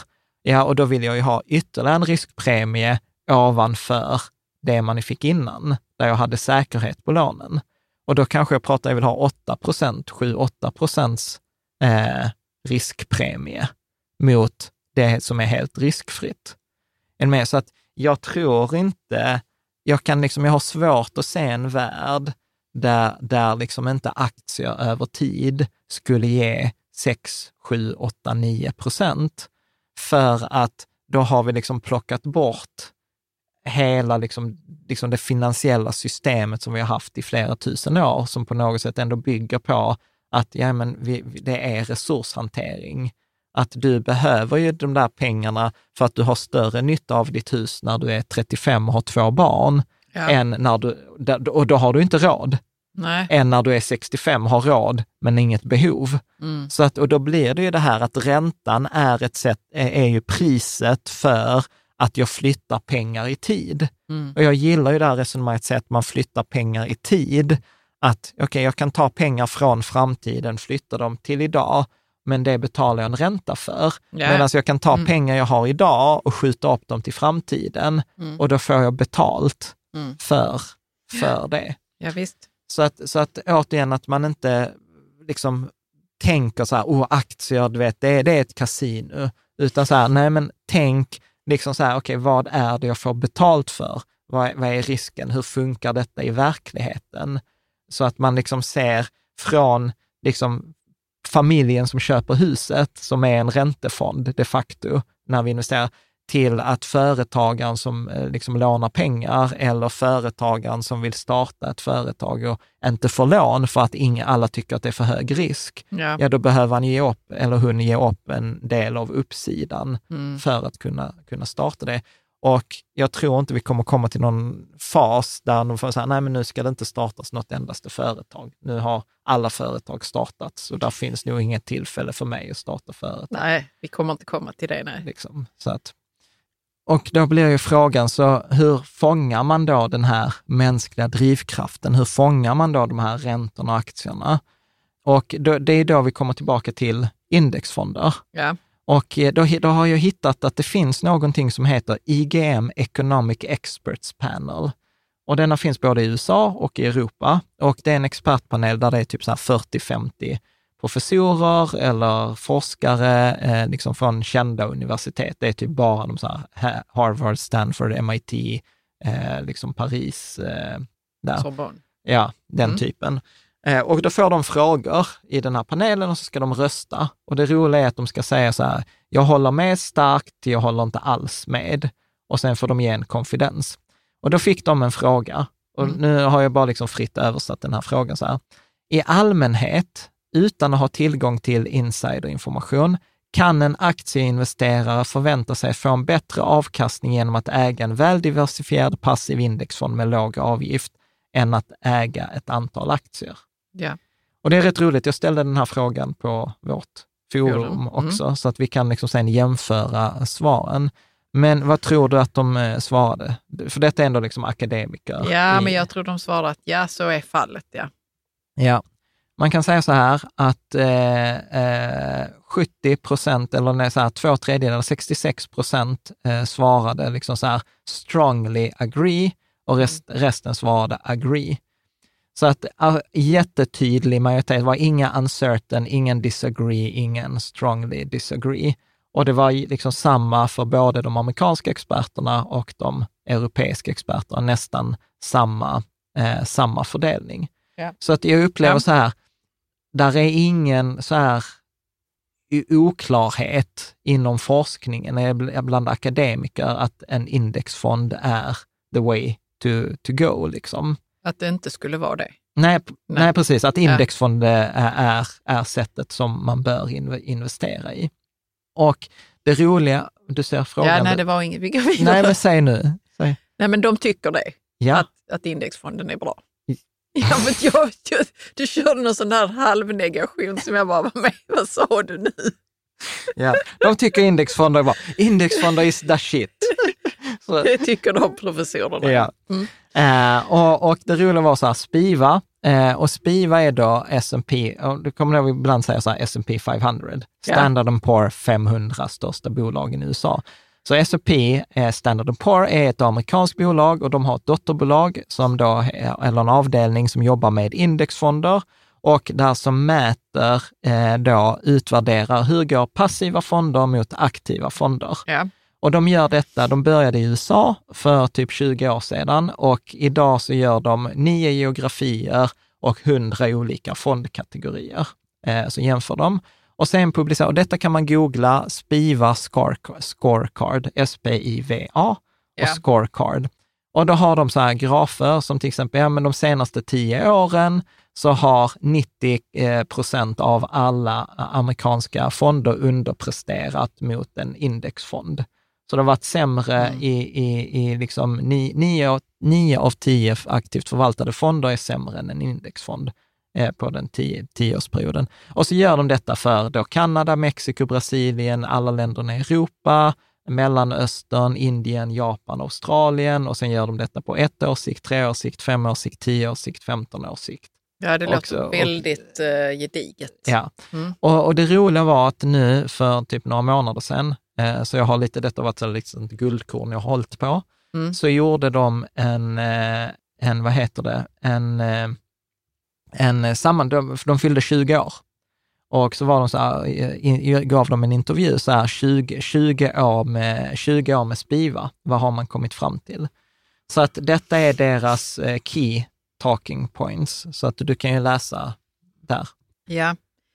Eh, most active managers underperform most of the time. Ja, så de flesta aktiva förvaltare, aktiva investerare, och nu kollar, nu får man också återigen komma ihåg att de kollar på proffsen, alltså de kollar Mm. på de som förvaltar fonder.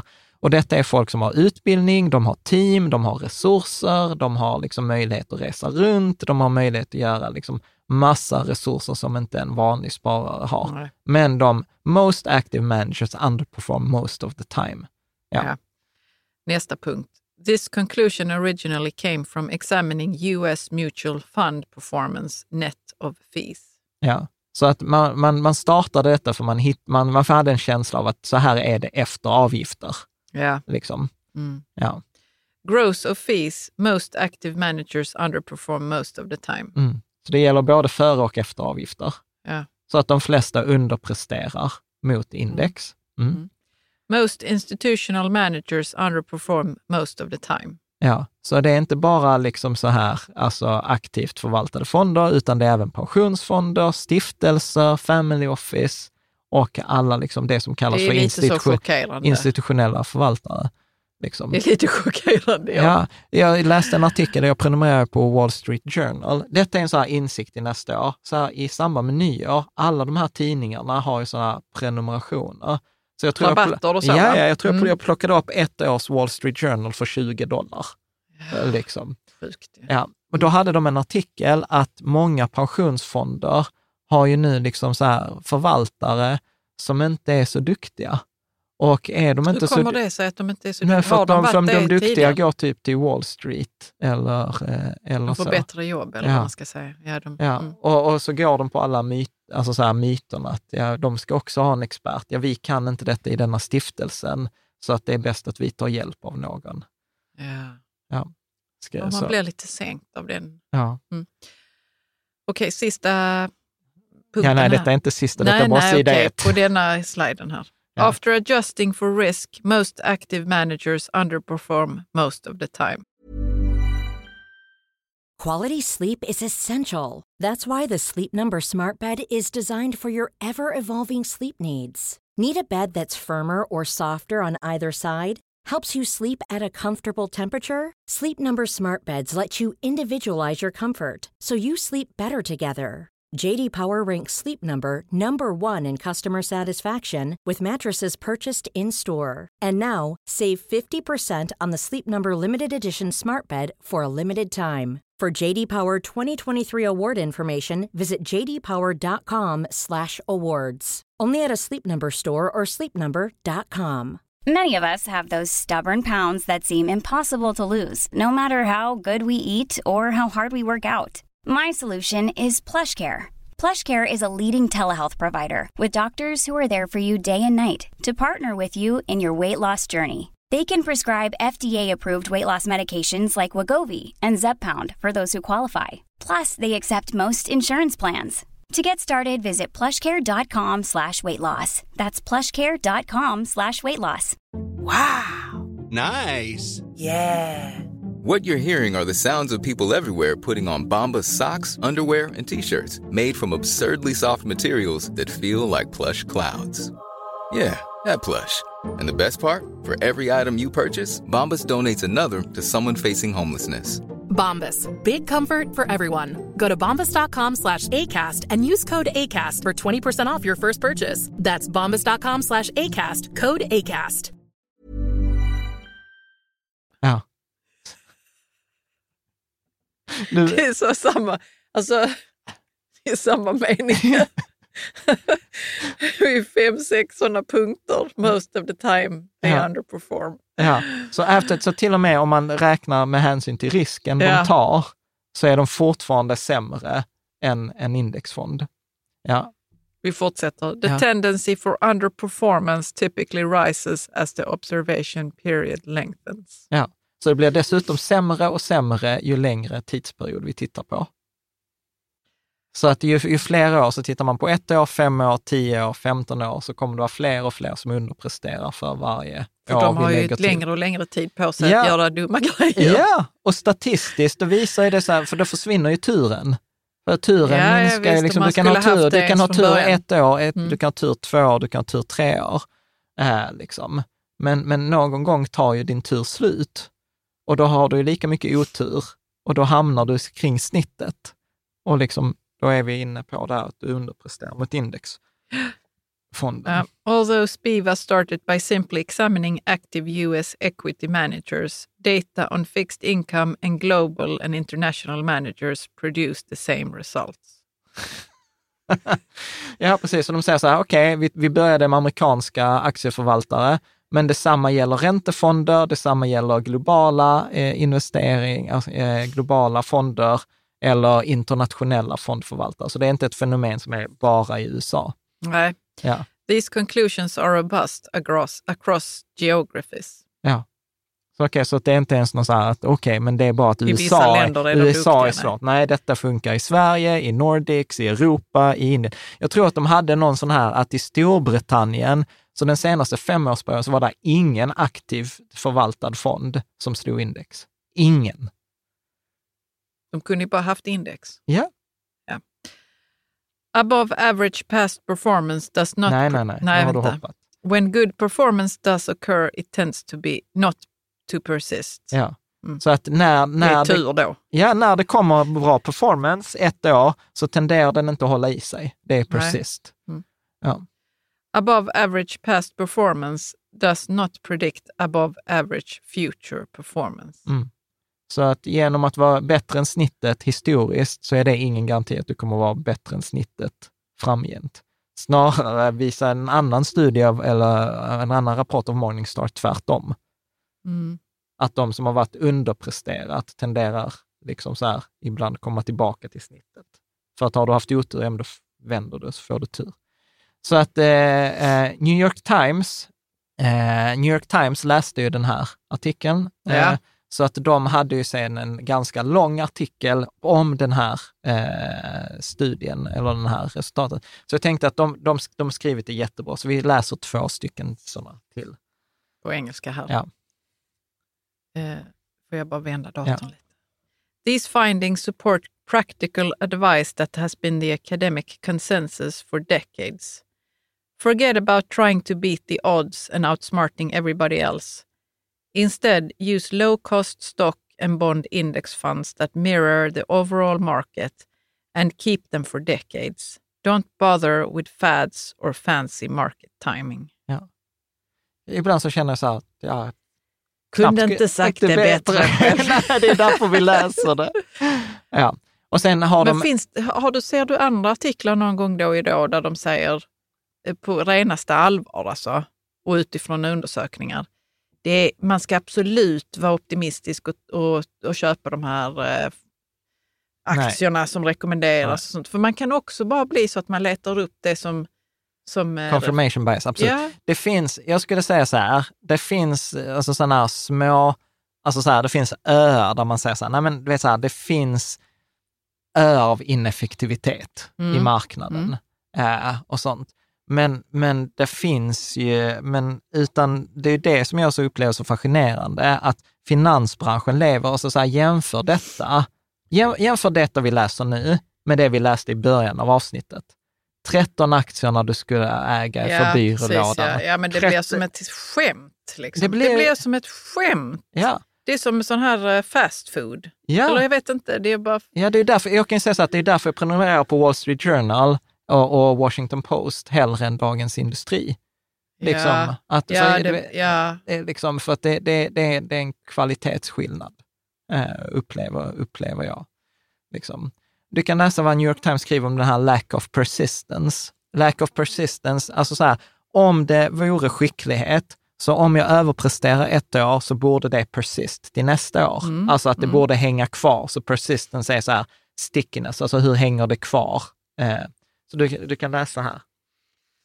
Over the last five years, not a single mutual fund has beaten the market regularly, using the definition that SOP Dow Jones eh, indices. indices has employed for two decades. Then the SOP Dow Jones team looked at all the 2,132 broad, actively managed domestic stock mutual funds that had been operating for at least 12 months as of June 2018. The study excluded narrowly uh, narrowly focused sector funds and leveraged funds that essentially used borrowed money to magnify their returns. So the team selected the 25% of the funds with the best performances over the 12 months through June 2018. Then the analysts asked how many of those, those funds remained in the top quarter for the four succeeding 12 month periods through June 2022. The answer was none. Ja, så vad de gjorde var att de tittade fram till 2018, juni, vilka fonder fanns det då? 2132 fonder. Mm. Eh, och sen så tog de bort liksom special och nischade fonder. Och sen tittade de så här, okej, okay, så vilka av de här 2132 fonder var de 25 procent bästa, alltså Ja. den översta kvartilen? Och sen tittade de hur många av dem som var bäst den här 12 månadersperioden fram till 2018 var i de topp 25 procenten. Så vi sa inte ens att den ska vara bäst alla fyra år. Vi sa bara så här, du behöver bara kvala in bland topp 25 procent. Mm. Och så tittade de efter hur många av de som var med i den här topp 25 procentsperioden 2018 var med de, eh, de 12 månadersperioderna mellan 2018 och 2022, då juni. Svaret var ingen. Mm. Och, och, och då blir det ju liksom så här, då kan du inte säga, ja men detta var den bästa fonden, nej den blev inte bäst året efter, den kom tvåa. Nej, nej, alltså vi pratar topp, du behövde komma topp 500 fonder. Ja, precis. Mm. Topp 500 och de klarade inte det. Nej. Är ni med? Så detta är ju, detta är ju liksom bisarrt. Eh, och, och detta är ju därför jag liksom pratar om så här, detta är så här, köp indexfonder. Mm. Och vill du liksom, indexfond eller fondrobot, same same. Och det, det pratade vi om i förra, förra avsnitt 284. Och detta är också en sån här, jag har en tråd på forumet som, som är, detta är en av mina favorittrådar, för det är min så här, vad var det jag sa-tråd. Eh, och den heter så här, missade du XXX-tåget för ett par år sedan? Och då brukar jag säga liksom så här, okej, missade du ny tekniktåget eller missade du kryptotåget eller missade du Tesla-tåget eller missade du, liksom skulle du köpt det där, du vet det du har hört dina kompisar prata om. Ja, För det är ofta där ja. man känner så här, ången, fan, liksom så här, jag skulle inte lyssnat på Rika Tillsammans och köpt en indexfond, jag skulle köpt SBB. Eller jag skulle ha köpt eh, den här, för då hade det gått eh, liksom superbra. Och i denna så brukar jag säga liksom så här att, att ja, men titta i denna tråden. Sen också, nu är detta lite, lite som en kul grej. Återigen, se, se poängen snarare, se liksom trenden snarare än det enskilda fallet. För här kommer man alltid argumentera så här, Jan, du har ju liksom valt en eh, tidsperiod som passar dig, eller liksom som visar din poäng. Och man kan alltid visa vad man vill med en graf med bara anpassa tidsperioden. Ja, Så jag har här försökt vara så här, jag har försökt välja fem, fem årsperioder så att det inte är någon så här tre månaders period, utan jag har tagit fem år, jag har försökt ta, eller ta maxperiod eh, i, i vissa av de här fallen. Och grejen här, vad jag vill komma till med den här tråden visa är det här som jag brukar prata med, med att en indexfond handlar om strategisk mediokritet. Du kommer aldrig vara bäst ett enskilt år. Det, det liksom ligger i namnet indexfond, genomsnittet för hur marknaden går. Och det är detta som de jämför med New York Times är, ja men vårt mål av de här 2000 eh, fonderna är ju att ligga i mitten. Vi vill ligga på tusende plats. Men bara genom att vi ligger på tusende plats år efter år efter år så kommer de som låg topp 500, ja de är ju inte kvar där, då hamnar de kanske minus eh, liksom topp, eh, lä- lägsta 500. Och när vi räknar snittuppkastningen, eftersom vi konsekvent kommer vara i mitten, mitten, mitten, så kommer vi liksom så här gå uppåt. Eh, liksom listan, bubbla, ja. Mm. bubbla uppåt, alltså Mm. dras uppåt. Och vissa, eh, i vissa liksom simuleringar så hamnar man, ah, kommer man hamna på topp 30 procent, eller den liksom nästan översta kvartilen. I vissa fall kan man till och med hamna topp 10 eh, procent beroende på vilka simuleringar. Men skitsamma, det viktigaste här är så här, du kommer aldrig liksom bli sist. nej. Liksom. Eh, och nej, och du kommer aldrig vinna eh, ett enskilt eh, år, förutom om du har plus, plus alla bolag i Sverige, för då slår du ditt eget index. du blir inte bäst i Sverige, men du slår ditt eget index. Men då hade de gjort grejer då, Då hade de gjort som grejer. är utanför liksom Ja, egentligen. Ja, det de- var ett skämt. Det var ett skämt, okej. Eh, men då jämförde jag här, eh, Swedbank, Robur Ny Teknik, som det var så mycket prat om mellan, då, mellan 2019 och 2022, det var ju fonden att äga, gick ju typ dubbelt, tre gånger så bra som index. Men nu liksom när man jämför så är, är Länsförsäkringar Global bättre änden. Så du har, har du liksom ångrat dig de tidigare åren att du inte köpte en ny teknikfond. Du, när vi, vi avrådde från den vid ett tillfälle och sen gick den jättemycket upp och så fick vi skit för det. Och så är vi liksom så här, okej, okay, nu är Länsförsäkringar tillbaka. Och nu kommer någon säga så här, Jan, nu har du valt liksom senaste fem åren, har man ägt den från början? Ja, återigen, då är vi inne på tidsperioder. Väljer jag, jämför jag den med globalt index, för Länsförsäkringar fanns inte 2000 när den startade. Jämför vi då med Storebrand Global All Countries, som också är då global indexfond, ja då ligger den också bättre än Swedbank Robur Ny Teknik. Alltså så att man kan alltid hålla på och jämföra tidsperioder. Min poäng är snarare så här, inte så här, oh titta jag hade rätt, utan här handlar det snarare om så här, du som äger en indexfond, du kommer aldrig behöva ångra dig över tid. Nej. Det kommer finnas kanske några enstaka fall, men återigen, liksom så här, jämför det inte på den Stockholmsbörsen med de där hundra bolagen som gick plus. Notera att du undvek de 900 som gick back. Det, det är liksom på den nivån vi pratar om. Tittar vi Länsförsäkringar, fastighetsfond har ju också varit en sån fond som väldigt många har liksom rekommenderat och som jag också varit skeptisk till. Vi har, aldrig, vi har inte haft den i någon portfölj sedan i alla fall 2014. Gick ju också så här två, tre gånger bättre än eh, Länsförsäkringar Global. Eh, nu är den också i fatt, vilket så att den liksom, så att så ofta vad som händer är så här, det är stor uppgång på kort tid, ett, två, tre år och sen backar det. Och då, då tänker man så här, men då köper man den på vägen upp och sen säljer man den på vägen ner. Bara, mm, kolla hur många som sålde liksom krypto på, på vägen upp och hur många som köpte det på vägen ner.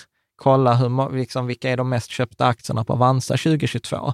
Ja, det är ju inte de som har liksom stigit mest. Nej. Liksom. Eh, tittar vi på Spiltan aktiefond, investmentbolag, så har den också gått supermycket. Den går fortfarande bättre än Länsförsäkringar, men det är marginellt nu skiljer tror jag 14 procentenheter på 15 år. Tittar vi på Tesla, en sån här fantastisk graf, fortfarande långt mycket, mycket bättre än eh, en global index. Men jag tog med denna grafen faktiskt lite för din skull älskling, för att denna grafen har allt. Den har 400 procents uppgång för de som vill titta på det och känner, titta Carro sitter med ett stort leende. Nej, jag skrattar för att jag tänker så nu kommer det snart smashen här. Ja, nej, men den, nej, men den har 400 procents uppgång ja, på de senaste fem åren. Så att den har ju gått, alltså så här, index är ett rakt streck jämfört med denna. Liksom. Ja, men den visar ju också 70 procents nedgång. Nu ja. Ja, i samma graf. Jag tycker det är ändå ganska coolt att ett bolag kan visa 400 procents ja. uppgång och 70 procents nedgång från toppen i, samtidigt. Det finns säkert många sådana grafer. Ja, det är klart det finns. du är som partypooper Men, men Jan, alltså, ja. Tesla är ju jätteintressant att diskutera, både aktien och... Eh, alltså om man tittar här i Sverige så är det Tesla-land. Liksom. Ja. I alla fall här nere, i, vi är ju i Malmö, jag vet inte hur det är uppåt Norrland och så. Men det står ju Teslor överallt. Liksom. Alltså, och det om, bara sprutar ut Teslor. Ja, och det är ju en bra jävla bil. Liksom. Ja, vi kan ju prata om det. Vi har en lång tråd om det på forumet. Det är en tråd som heter så här, varför Tesla kommer slå världsindex eh, kommande åren. Jag har inte varit inne i den, för jag, jag, tror, jag, det känns så oseriöst faktiskt.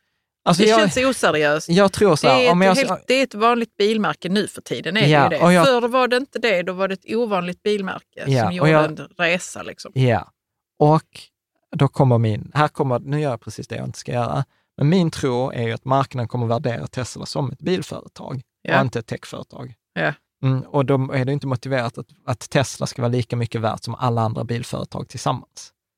Nej, det är det inte. Nej, och speciellt Nej. inte som de, liksom, eh, vad ska man säga, bilmarknaden hinner ju fatt teknologiskt ja. också. Ju. Ja.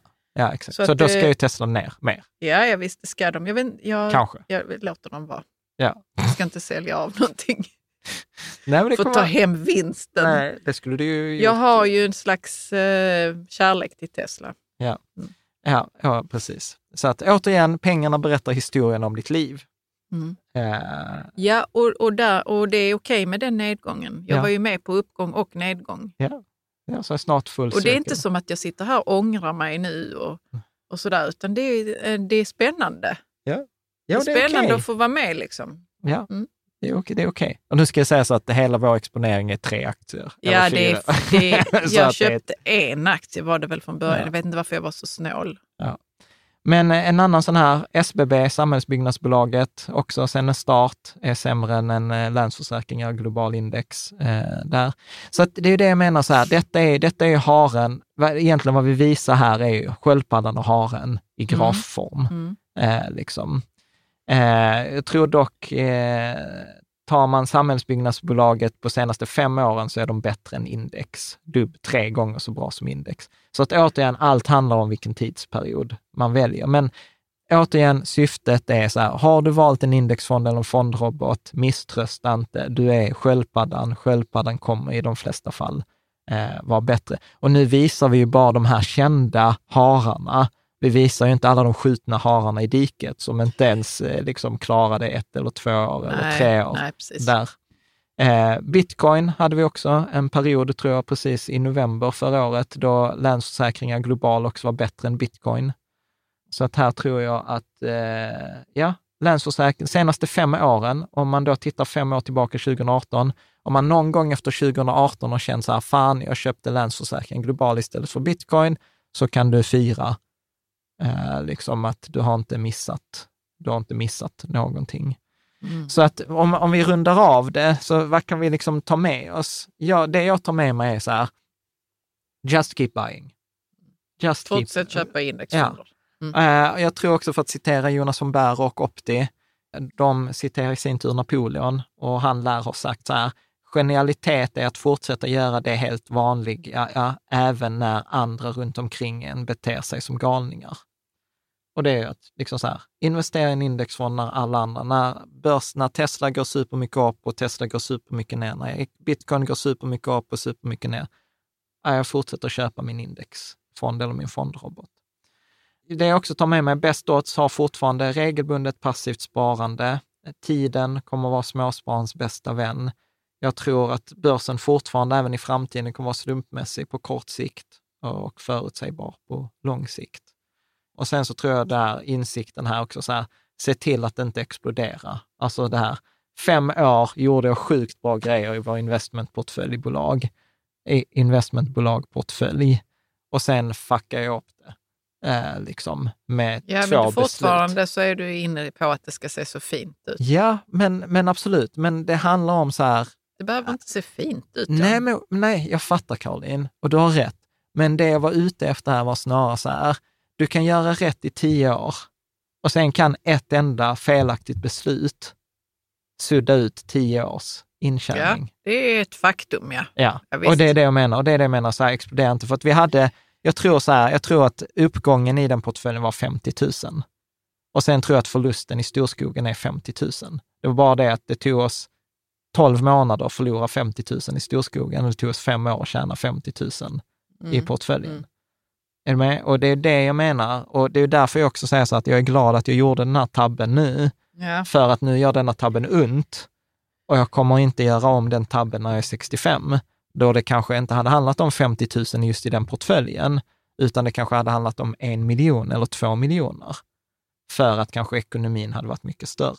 Ja. Ja. Men du, i något, för, något föregående avsnitt så pratade vi om det där med att om man nu eh, inte vill, om man vill liksom göra en buffert för sig själv, Ja. om man tänker så jag skulle vilja ha ett slott i Frankrike om 15 år, Ja. så sa vi så här, men då kan man inte ha en indexfond för då kommer det inte hjälpa en dit. Nej. Kommer du ihåg det? Ja. Och då blev jag lite så villrådig här nu. För klart jag vill ha en indexfond Ja, som måste- grund. Liksom. ja, men då måste du tjäna mer pengar. Jag måste tjäna mer pengar, För poängen men ändå sätta dem i indexfond. Indexfond, ja. Poängen, det är samma byggstenar som vi pratade om i förra Ja, för avsnittet. jag tror, jag tror inte att du skulle sagt så, ja men, ja, men då måste du köpa andra aktier eller Nej. enskilda aktier. Nej. Det trodde jag inte du skulle säga, utan jag tror man behöver Nej. jobba på andra ställen. Ja, min poäng var så här, då kommer ingen indexfond i världen rädda dig, för det är för lite bränsle i motorn. Mm. Alltså en indexfond är bara någonting som hjälper dig flytta pengar från idag till framtiden Mm. och ge dig en pris på 8 procent i genomsnitt över en tioårsperiod. Liksom. Eh, och har du för lite pengar, då spelar det ingen roll att det ger 8 procent. Nej, nej Liksom, precis. jag visst, då, jag visst, då, kan du annan... fly, då kan du flytta det till Tesla och så kanske du får 400 procent på tre år. Men sen förlorar, ja, och sen förlorar du 70 procent. Ja, på, på, på, på sex månader. Ja, men det, det är något Då är man annat. långt ifrån Ja. slottet kanske. Ja, men precis. Okej, Ja, men bra. Och sen så tror jag fortfarande den här 12-12-12-regeln. Jag tror det ska vara 20 års, 2023 år som jag kommer att repetera där. Investera 1200 kronor i, i, i 12 år för att sen kunna ta ut 1200 kronor i månaden resten av livet. billigt liv. Ja. Med, återigen med alla brasklappar, men som princip att Ja, få liksom en känsla. Vi pratar om det mycket mer i 284. Mm. Snyggt. Eh, jag tänker så här att vi rundar av. Eh, vi har ju fortfarande Riket Tillsammans-programmet som vi kommer att köra igång början av februari. Så att där finns en länk till det. Det är ju ett program där vi kommer att prata. Kommer inte handla om hur du blir bättre och du får så här, oh, nu kan du få 12 procent, det kommer fortfarande vara indexfonder. Men vi kommer prata om den här ekonomiska planen, vi kommer prata om kompassen i livet. Vad vill du spara i? Hur mycket pengar behöver du spara? Ja, vad vill Få- du ha för liv? Liksom? Vad vill du ha för liv? Få 100 procent koll på din löpande ekonomi. Eh, liksom diskutera, diskutera med andra, gör olika övningar konkret, antingen själv eller med din partner. Ja, vissa samkör ju sig med sin partner. Ja. Alltså att det är ett sätt att komma på samma räls. Liksom, ja, men exakt. Exakt. Så, så att det handlar om bet, en bättre plan för livet. Eh, en livsplan som då består av en ekonomisk del och en, eh, eh, en emotionell del, eller liksom en Mm. kompass eh, i livet. Det är väl liksom det som är tanken. Så att där finns fortfarande möjlighet. Lyssnar du på detta så här typ mitt i sommaren eller någon efter, efter februari, så kommer det vara en länk så kanske man kan göra en så här intresseanmälan för Ja. 2024 om vi kör någonting då. Men vi får se. Vi får se lite hur detta faller ut om vi tycker att det är kul. Men stort tack för att du följer oss, stort tack för att du lyssnar på oss och eh, så tänker jag att vi ses nästa vecka precis som vanligt.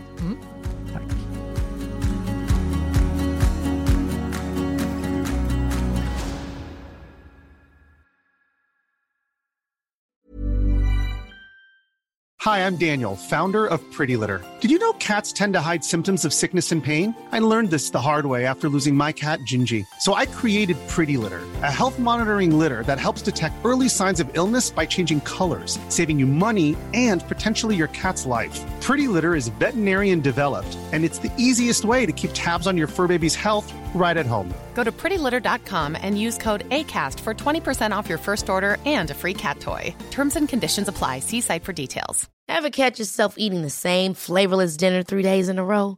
Dreaming of something better? Well, HelloFresh is your guilt-free dream come true, baby. It's me, Kiki Palmer. Let's wake up those taste buds with hot, juicy pecan-crusted chicken or garlic butter shrimp scampi. Mm. Hello Fresh. Stop dreaming of all the delicious possibilities and dig in at HelloFresh.com. Let's get this dinner party started.